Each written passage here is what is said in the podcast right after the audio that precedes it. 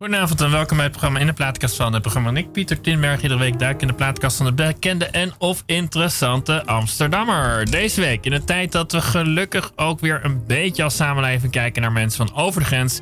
Iemand die al vele jaren zich daarvoor inzet. Documentairemaakster Els van Driel. Haar vader zet zich als vluchtelingenadvocaat ook al in voor asielzoekers. En op heel andere wijze doet Els van Driel dat dus ook.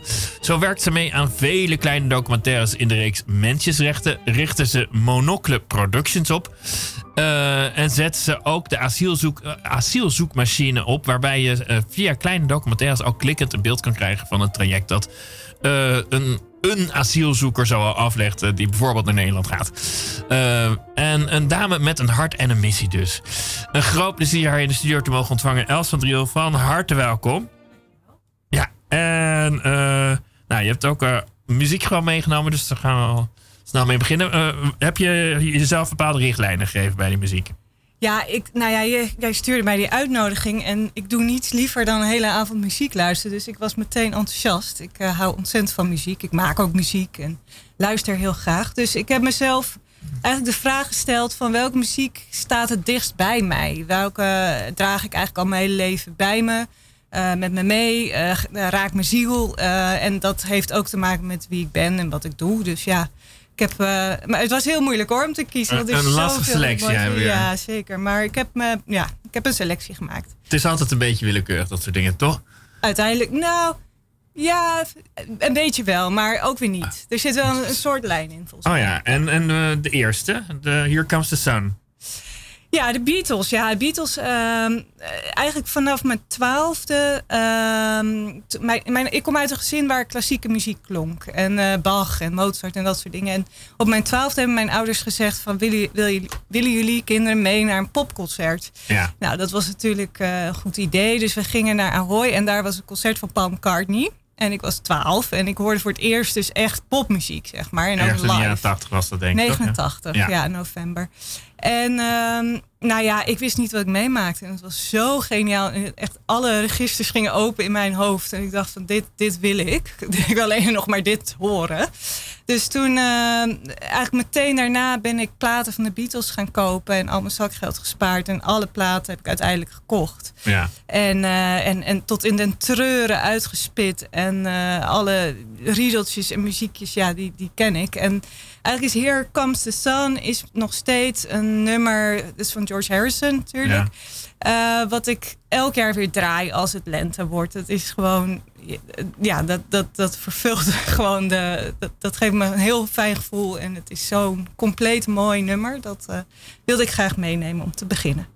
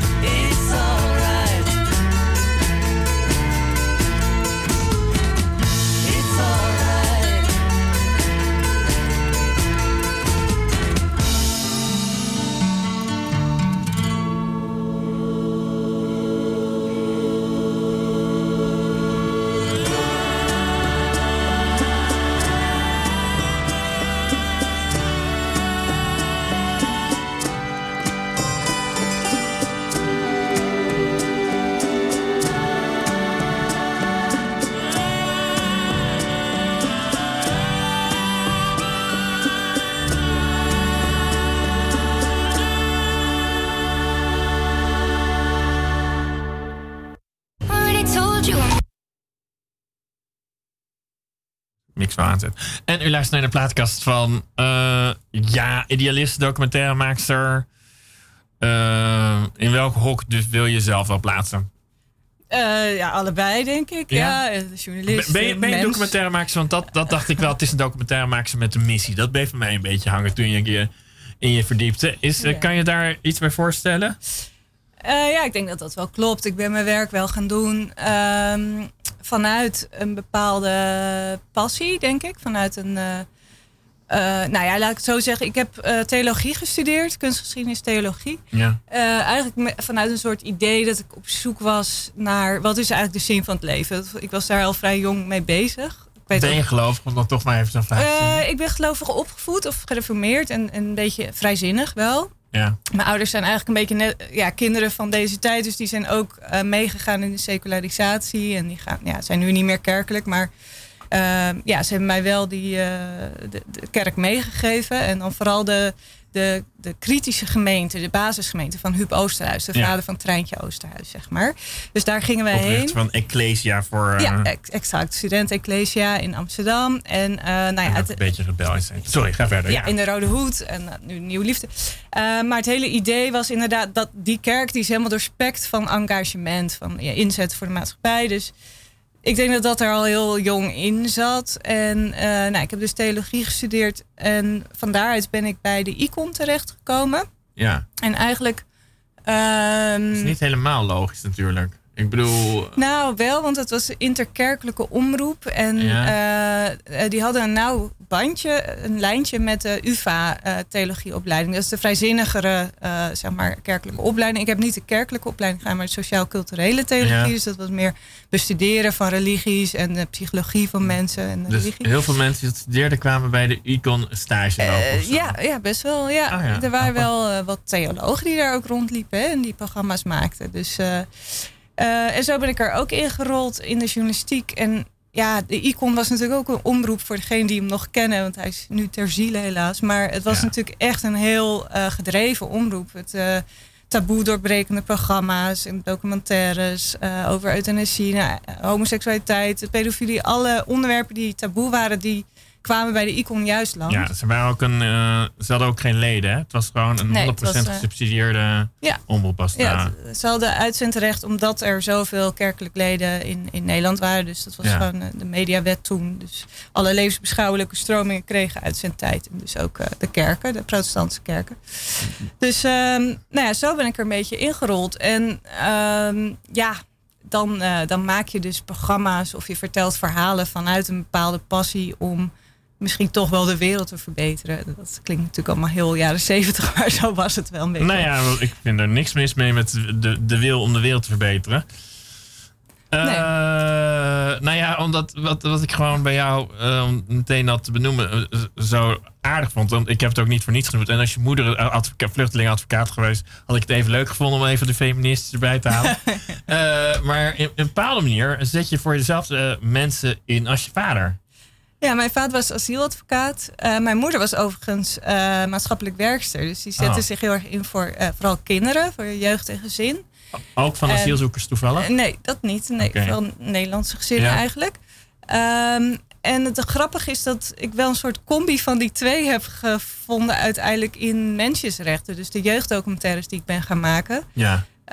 Um, die gaan vooral over kinderrechten en over ja, dus kinderen in de knel eigenlijk. In Nederland, maar ook daarbuiten.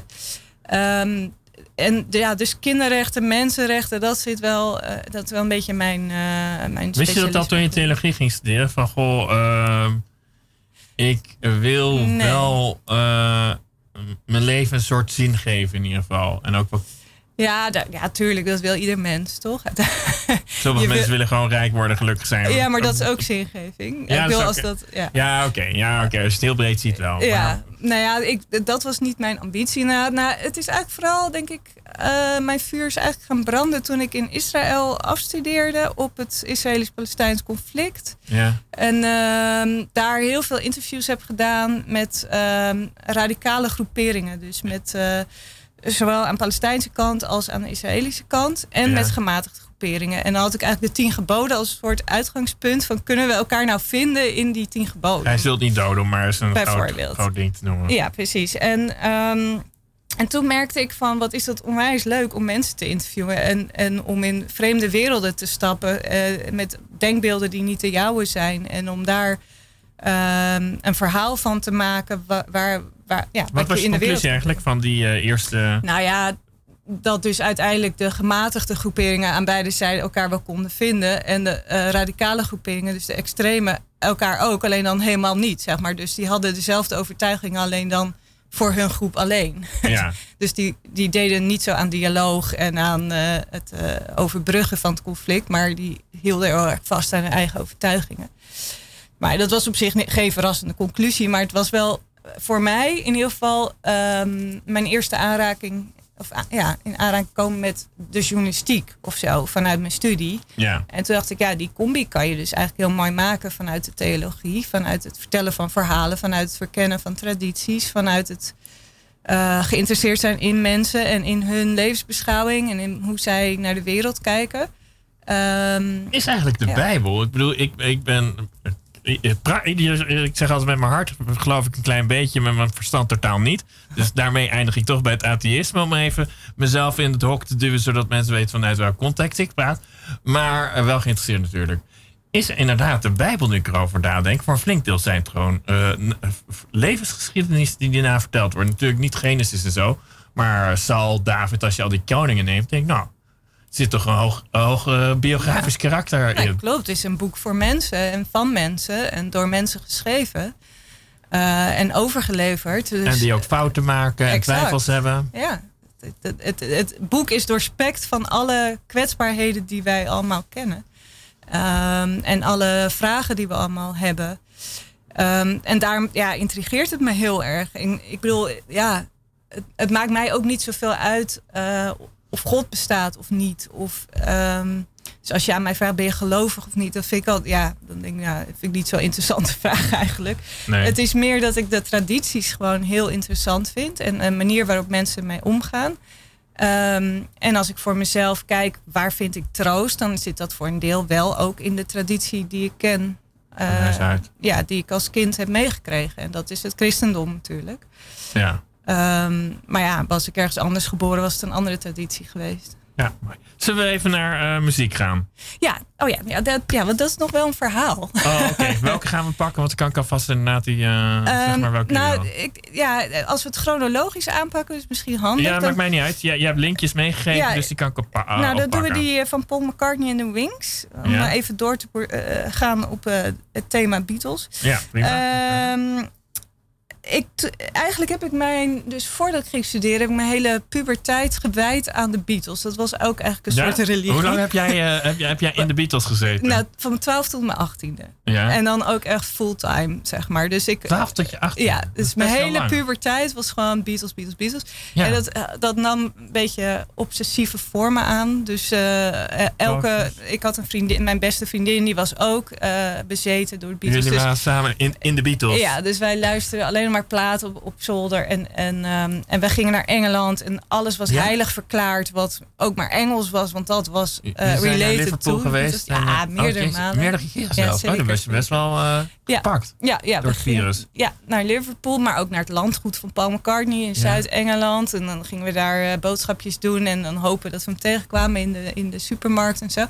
Uh, of naar zijn kantoor in Londen op Sooskerk. Het gaat uh, en, heftig. Nou ja, en Wat vonden je ouders ervan? Nou, die, die, die, die juichten dat tot op zekere hoogte wel toe. Want het was beter dan dat ik aan de drank of drugs ging, denk ik. Ja, maar... Ja. Um, ik denk wel arme Paul McCartney. Het was af en toe wel irritant voor onze omgeving. ja, maar uiteindelijk, en daar, dat, dan kunnen we naar de muziek, hebben we uh, uh, een list bedacht om Paul McCartney te ontmoeten. Want dat was zeg maar onze missie.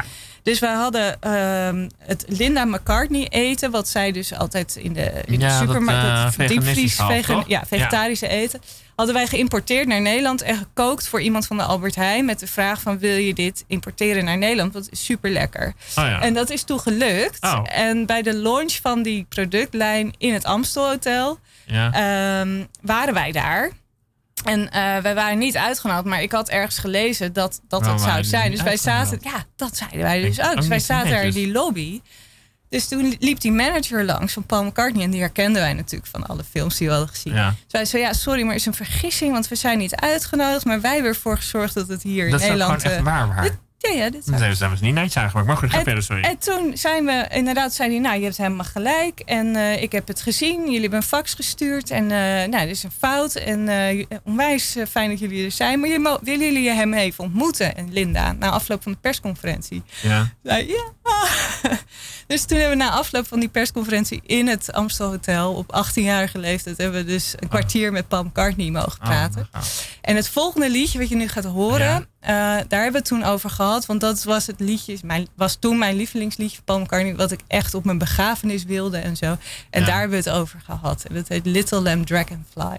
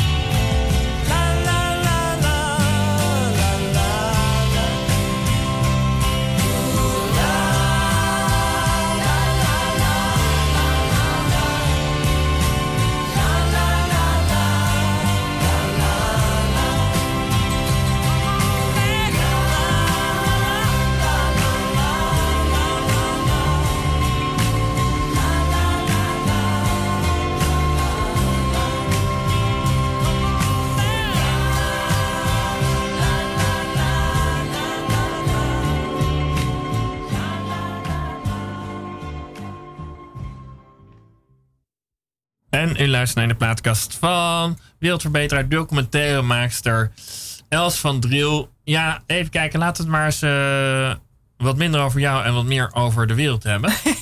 Graag. Doe je klaar, zeg maar. Ja, daar is alle eh, reden toe. Ja, nou ja, ehm, de laatste weken, wat ik al in de inleiding zei. Want je, je bent dus op een gegeven moment wel op een spoor gekomen waar je in gebleven bent, namelijk eh, asielzoekerskinderen. Mag ik dat wel een beetje zo zeggen? Ja, eigenlijk wel. Ja. Eigenlijk vanaf eh 2014, 15 ben ik echt bezig gegaan met, eh, asiel, met de asielzoekmachine. Het was Was- het eerste project inderdaad. eh, over het Nederlands asielbeleid. En daarna eigenlijk is dat niet meer gestopt. Dus ehm, eh, omdat, ja, ik bedoel, het, het greep me gewoon weer heel erg aan dat er allemaal eh, niet klopt aan ons systeem. Ook wat er wel klopt hoor, vind ik interessant. Maar Ja? er zijn ook Oh. heel veel dingen die niet eh, goed lopen natuurlijk. 10 Ehm, seconden, wat klopt er wel? eh, nou, we hebben tenminste een asielsysteem. En mensen die in Nederland aankomen, die mogen asiel aanvragen. En die worden gehoord. En er is een procedure en er is rechtspraak. Ja. Ehm, en dit allemaal is er niet in Griekenland. En eh, daar ben ik natuurlijk uiteindelijk ook terechtgekomen voor de documentaire die ik daarna maakte over de Turkije-deal. Ja. En voor research, hè, dus na de Turkije-deal, dat was, die werd in 2016 na de grote vluchtelingencrisis. Ik zeg tussen aanhalingstekens, Ja. want het was meer een Europese Dat crisis. is interne Europese strubbelingen. Ja, ehm, in 2015 werd die deal ges- eh, gesloten. Nou, daar hebben we een documentaire over gemaakt. Dat heb ik samen met Eefje Blankenvoort gedaan, met wie Ja. ik eh, meer co-regie die dingen doe op dit thema. En eh, nou ja, veel naar de eilanden gereisd. Dus Lesbos, maar ook Chios en ehm, ehm, Samos.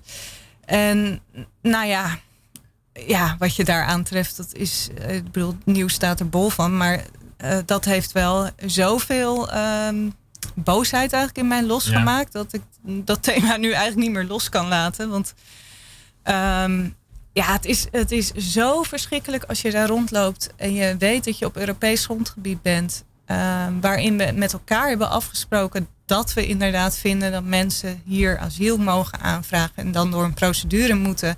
En dan zullen we wel zien of ze er recht op hebben, oké. Maar dat er gewoon geen enkele eh houvast is voor mensen die echt die lethargie, dus geen procedure, geen informatie, geen advocaten, geen medische zorg, nou ja, noem het maar op, geen hygiëne, geen dak boven je hoofd. De moeders met kleine kinderen die ik daar heb ontmoet, de kinderen die alleen reizen die ik daar heb ontmoet, die zichzelf snijden. Nou, alleenreizende kinderen zijn voornamelijk pubers, hè? dus eh, Ja. tieners vanaf 12 jaar zo'n beetje, 11, 12. eh, maar het zijn rond 14, 15, 16. Eh, hele kwetsbare leeftijd. Ja. eh, waarin je natuurlijk de verantwoordelijkheid eh, voelt voor je familie. Waar, hè, soms komen ze toch gewoon als soort vooruitgeschoven posten van ja, je moet het leger in, in, in Syrië, dus ga maar weg. Want dat willen we niet. Dus ga naar Europa toe. En hopelijk kan je ons misschien ook nog uiteindelijk over laten komen. Ah, ja.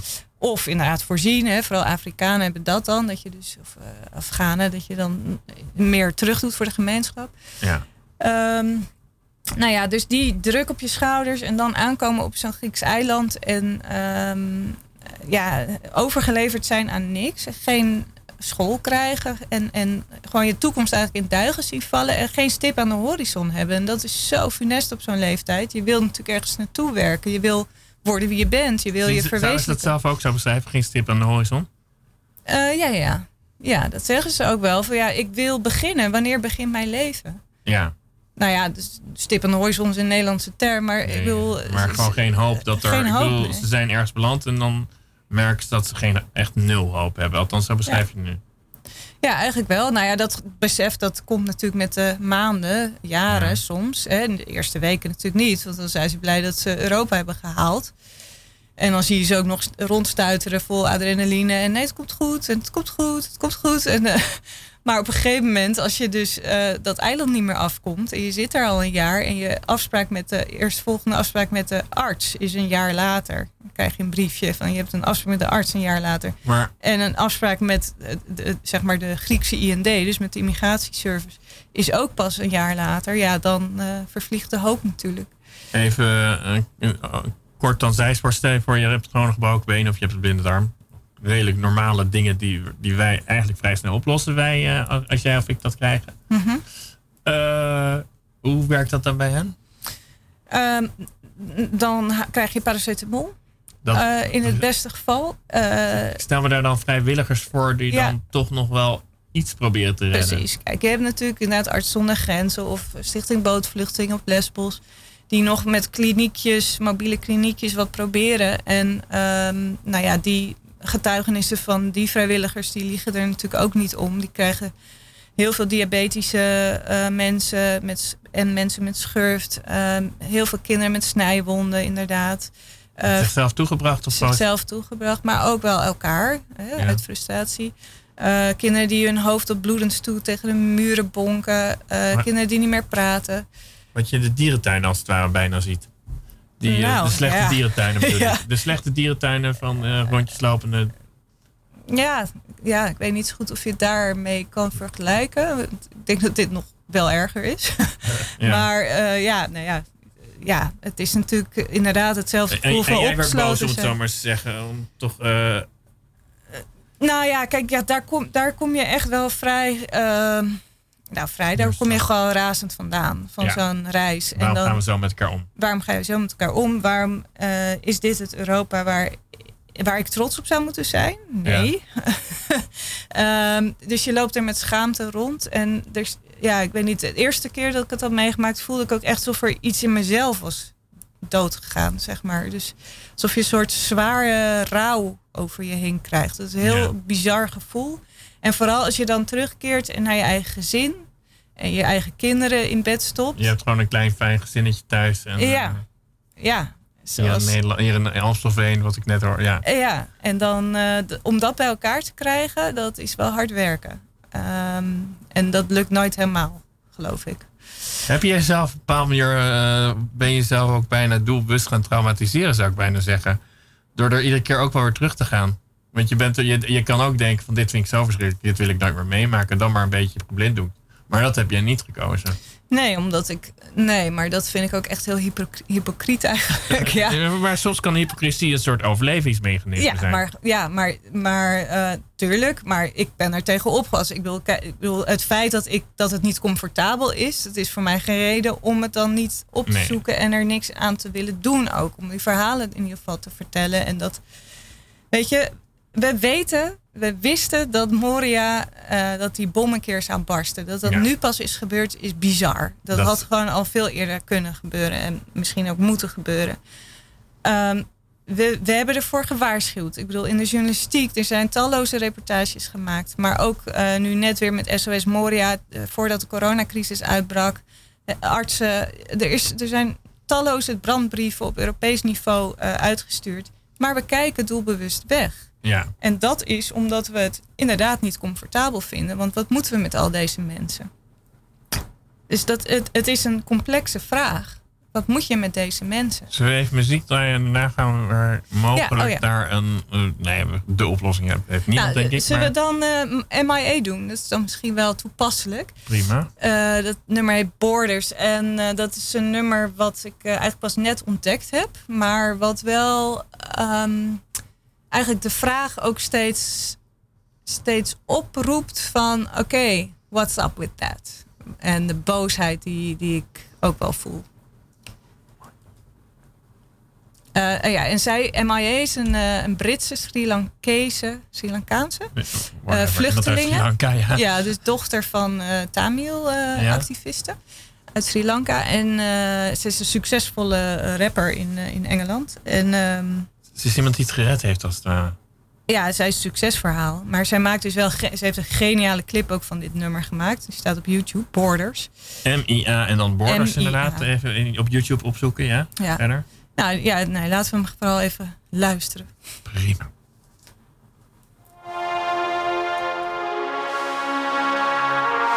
Freedom, I meet him. Where's your freedom? This one needs a brand new. freedom. Weed and the key, weed and the key to life. Let's beat them. Weed them smartphones, don't beat them.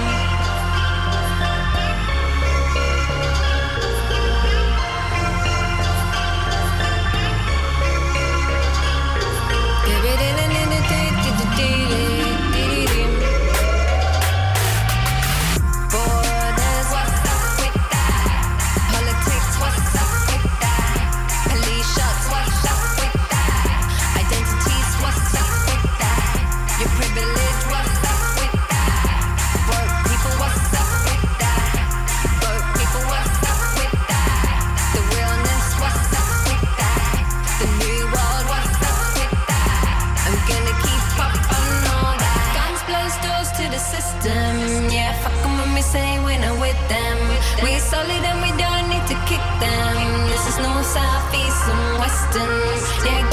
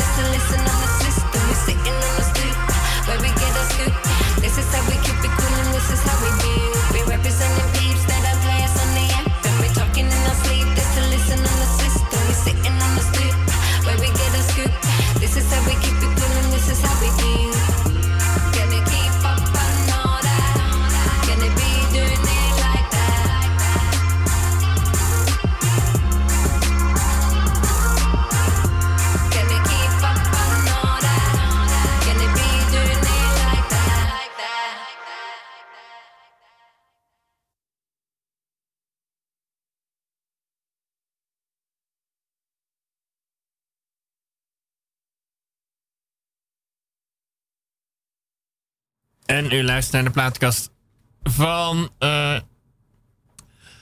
idealiste, documentairemaakster Els van Driel. Eh, ja, nee, we hebben net, net, inderdaad ook naar een indrukwekkend clipje gekeken. MIJ met Borders. Ehm, want je bent op een gegeven moment, en zei je net in 2014, daar toch. Eh, had je, kreeg je leven toen een, een, een soort wending ook? Dat je dacht van hier wil ik meer mee en hier wil ik me gewoon voor de komende tijd echt voor blijven inzetten.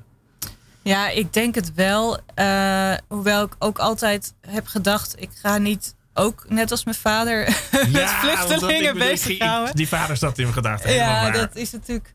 Eh, maar ja, ik ben Leeft ook. hij nog trouwens, je vader? Ja, zeker. Ja, ja. En ik ben heel trots op hem hoor. Maar ik heb. eh, en ik ben na mijn studie trouwens heb ik een jaar bij hem gewerkt ook nog op zijn kantoor. Dus ik kende wel de asielpraktijk ook eh, in Nederland. En ook de wetgeving Dus- een beetje. En de wetgeving een beetje, precies. Dus het was wel. ehm, ja, toch trok het me wel ergens.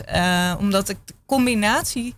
Kijk, ik zet, zette er een- enerzijds tegen af omdat het zo'n complex vraagstuk is. En ik ook zo vaak dacht van ja, maar die mensen moeten toch ook niet allemaal hierheen komen. En wat moeten we ermee? Ja. Ehm, en Wat zeg je tegelijkertijd. tegen die mensen die dat zeggen?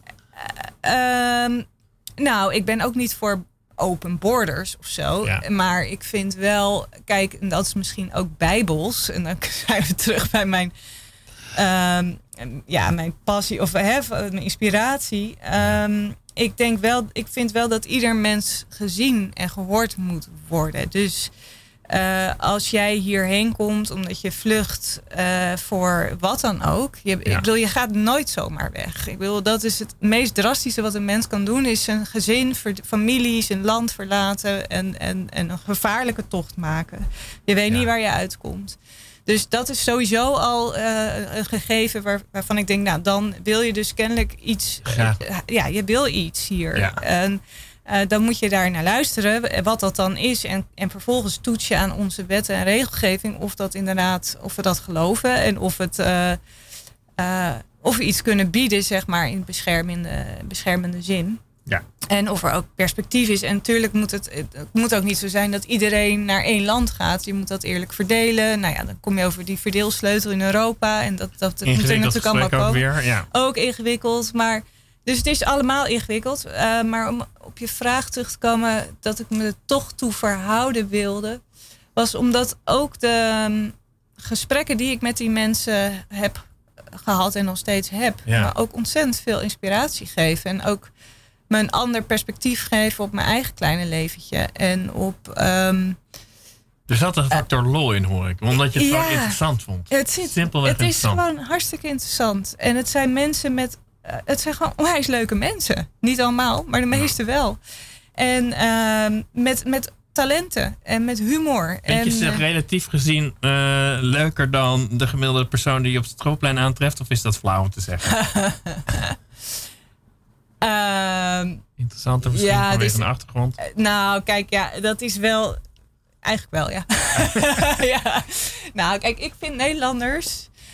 er zijn wel veel. Generaliseer maar lekker. Ja, En we nemen, als, we het, als we het dan toch over mensen op het schoolplein gaan hebben. ja, Kijk, er zijn natuurlijk wel veel mensen die eigenlijk gewoon best wel veel met hun eigen leventje alleen maar bezig zijn. En eh, met geld verdienen of met, ehm, ja, met status of macht en zo. Ja.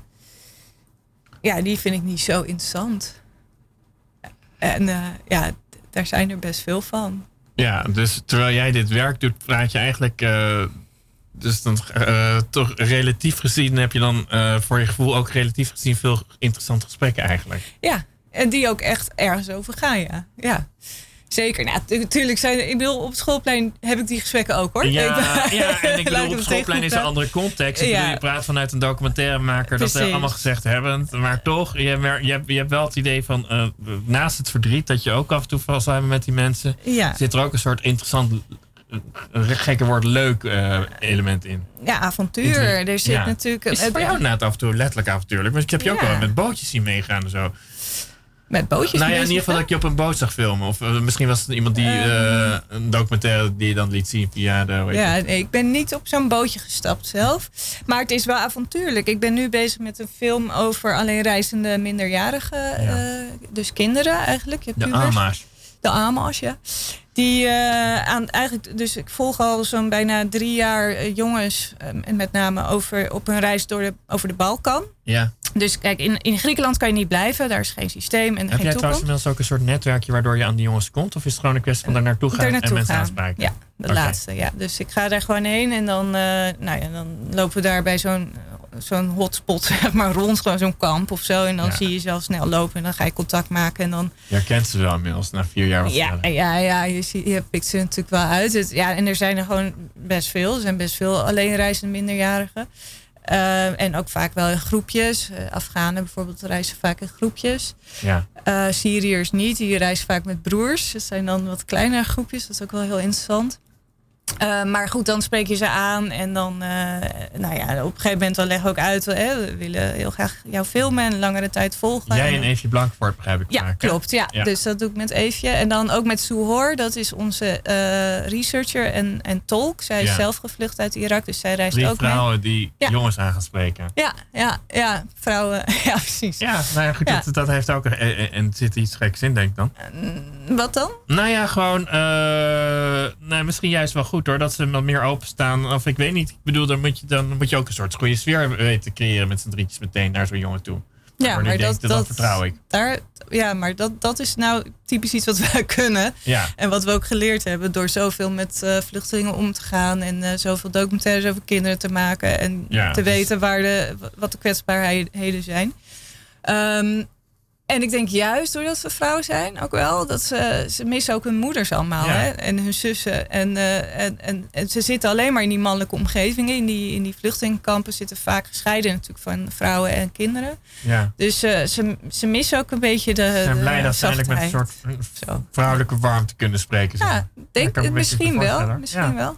En, ehm, en ze vinden het ook wel leuk of zo. Want ze zijn natuurlijk staan zo in de overlevingsstand. Ze- het is ook wel fijn als er dus inderdaad even aandacht voor je is. Of zo, Ja, wat je? voor film ben je dan mee bezig Ja. waar was je mee bezig? Nou ja, die film vertellen. die heet eh, Shadow Game. En dat gaat eigenlijk over. ehm, dus we kwamen erachter dat eh, vooral Afghanen die noemen het oversteken van grenzen, noemen ze de game, het spel.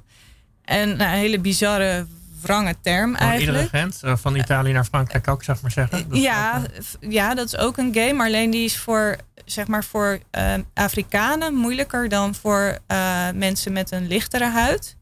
Eh, want daar wordt gewoon etnisch geprofileerd op huidskleur, eigenlijk aan die grens. Maar het gaat vooral eigenlijk over de grens van, ehm, nou ja, Turkije. Hè? Dus vanaf eh, bijvoorbeeld Afghanistan, dan helemaal Iran en zo, door Turkije naar Griekenland, maar dan ook van Griekenland naar Noord-Macedonië, Noord- Noord-Macedonië, Servië. Al die, die grenzen, dat zijn levels in de game. ja. En eh, nou ja, ze noemen dat zo, zodat je inderdaad met je smokkelaar ook kan afspreken welk level je zit en hoeveel je moet voor betalen en zo. En dan de endgame, dat is het Ja. laatste level, dat is de grens van Bosnië-Herzegovina naar eh, Kroatië. Dan Ja. ben je in de EU. Ja. En dat is de aller, aller engste, gevaarlijkste grens. En dat weten heel veel mensen niet. Maar daar worden eh, elke dag honderden mensen gepushback. Dus teruggestuurd door de Kroatische grenswachten. Was niet op een hele vriendelijke manier. Inderdaad, dat is een understatement. Ze worden geslagen, gemarteld, gefolterd. Echt met electroshocks. Eh, ze worden gestripsearched. Eh, schoenen worden afgepakt. In de sneeuw worden ze, eh, moeten ze dan teruglopen, zonder kleren ook. Eh, of in een rivier geduwd. Ehm, sowieso worden mobieltjes afgepakt en al het geld wat ze nog hebben. Dus ze zijn gewoon helemaal ja, naked, zeg maar. Zijn eh, mensen die hele nare beroepen hebben daar? Ja, en dat zijn dus, eh, heel bizar. Het zijn eh, Kroatische grenswachten die natuurlijk ook gefinancierd worden door Europees geld. Dus Frontex zit daar natuurlijk ook bij. Nederland is daar ook eh, bij betrokken, in, indirect. Hè? Dus via financiële Ja, financieel ondersteuning. Dus ehm, ja, dat, dat is heel bizar. En dus ook onrechtmatig. Het mag gewoon niet. ben je daar wel eens geweest in die grensstreek? Ja, ja, ja, zeker. Ja, daar hebben we gefilmd voor Shadow Game. Daar gaat de film ook over. Eigenlijk de Ja. film werkt toe naar dat level. Dus je hebt de eerste Balkanroute en dan is dat het laatste level. En daar gaat iedereen gewoon stuk. En onze jongens dus ook. En dat Ja. is gewoon heel heftig om, ehm, om mee te maken. En nou ja, Aan welke kant jullie dan? Aan de Kroatische kant? Aan de Bosnische kant. Oh, ja.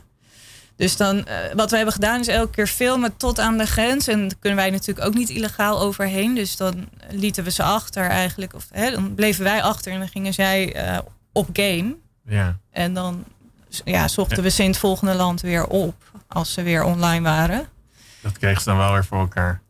Meestal wel, ja. ja, ja want je, mobiel is je levenslijn. Je- Die heb je nodig voor GPS en om de route te vinden door het bos. En eh, ze lopen hè, duizenden kilometers. Helemaal vanuit Ja. Syrië of eh, Turkije. Ja. Dus ehm, Even klein praktisch. Wanneer, want jullie zijn dus nu bezig met die film. Je Ja, bent kort nou- geleden, krijg ik de indruk, ook er nog letterlijk naartoe geweest. eh, ja, laatst, ja, de laatste keer is alweer een paar maanden, of nou, een half jaar geleden of zo. Oh, Maar we zijn. komt het uit? Ja. Ja, voor de coronacrisis natuurlijk. Ja, dus we zijn nu aan het monteren. En de ja, laatste weken van montage eigenlijk. Dus eh, dan, dan is hij klaar. Dan Wanneer gaat hij de wereld in. Dat weten we nog niet. Dit vaak klinkt heel erg logisch, maar is dat... eh, Dat zou kunnen. Dat zou kunnen. Maar de vraag is of we het allemaal redden. Ah, hebben- dat- zijn, is, die deadline Ah, ligt al heel vroeg. ergens, eh, ergens binnen een half jaar weer eh, zal die ergens te zien zijn. Sowieso. Ja. En dan eh, volgend jaar op televisie sowieso. 2021. Oh, dat zou ik al bij. Caro en CRV. Oh ja. Dus eh, nee, maar het is een heel, heel intens project. En vooral omdat we die jongens zo lang volgen. En eh sommigen zijn ook in Nederland aangekomen. Dus daar Ja. hebben we ook, ja, die, Oh, die dat- volgen we dan ook nog. Nee, sommige slagen dan wel, denk ik, tot op Ja. zekere hoogte. Of zitten ze hier dan ook weer in een ellendig centrum, dat, ze niet, eh, dat er geen stip aan de horizon is? Of Nou, niet er voorstellen? bijvoorbeeld, ja, nou soms. Hè, dus eh, we hebben één verhaal van twee broers. De ene is 16, de ander is 18 uit Syrië. En eh, die komen in Nederland uiteindelijk gescheiden aan. Ze raken elkaar kwijt tijdens de reis. En dan komen ze in Nederland aan en dan mag die 16-jarige in het eh, minderjarige systeem, wat Ja. eigenlijk heel goed is in Nederland. Hè, dan kom je in een kinderwoongroep of een jongerenwoongroep, word je begeleid, mag je naar school, mag je echt gaan integreren. Je verblijfsvergunning gaat heel snel. Ja, Ja, dus dat is gewoon goed geregeld. En dan die 18-jarige, die eh, moest het volwassenensysteem in. Dus die moest naar Ter Apel, naar het grote asielcomplex. Toen brak corona uit. Toen moest hij daar maanden wachten op een eerste interview. En ehm, nou ja, hij had ook al maanden in de AZC nog gezeten om te wachten. Dus die verzandde helemaal in lethargie en in die terecht- Troosteloosheid. ja, troosteloosheid van die AZC's. En nou ja, die begon dus ook met de roken, eh, waterpijp, maar ook andere Middelen. Ja. dus eh, ja, en die had ook echt last van het trauma van zijn reis. Want dat kwam natuurlijk door die stilstand, komt dat allemaal terug. ja. En eh, die krijgt geen begeleiding, geen traumaverwerking of, of iets. Als hij het zou aangeven, zou het misschien wel kunnen krijgen. Maar ja, dat doe je niet zo snel in die cultuur. En, en, en mensen, ja, dus het is ook wel lastig. En, ja, eh, sowieso een lastige problematiek. hoor. Maar goed, ik, ik, ik, krijg, wel- ik, ik word bijna rustig van je verhaal. Dus in Nederland Oh. geland zijn, merk ik. ja, oh, nou. Dat ik denk, nou, hier wordt toch wel... eh, het- het bed is schoon, zou ik maar zeggen. Ja, het geldt nog niet voor iedereen. Er is nog één jongen nu bijvoorbeeld onderweg. En die, eh, die wil naar Italië, naar zijn broer. En Ja. ja. ja, dat is gewoon echt heel spannend. Want die is nu ook al zeven keer teruggeknuppeld door de eh, Kroaten. Ja. Dus dit eh, ja. Deze documentaire, eh, de voldoening eh, en gegeven die je toch zoekt in je werk, voor jezelf ook? ja, het geeft heel veel vo- voldoening. Ja, ik vind het ook zwaar soms. En dan wil ik alleen nog maar poesenfilmpjes maken. Of, eh, Ja? Komt, ook, komt er ook ooit nog een poesenfilm over waar een poesen knuffelbaar zijn van jou? Of konijntjes? Ga, ga je dat ooit nog eens doen? Dat je echt even denkt, Iets ik ga echt anders. iets puur, sluitend bedoeld voor ontspanning voor mezelf. Eh, dat roep ik wel altijd. Alleen ik kan niet zo goed bedenken wat dat dan zou moeten zijn.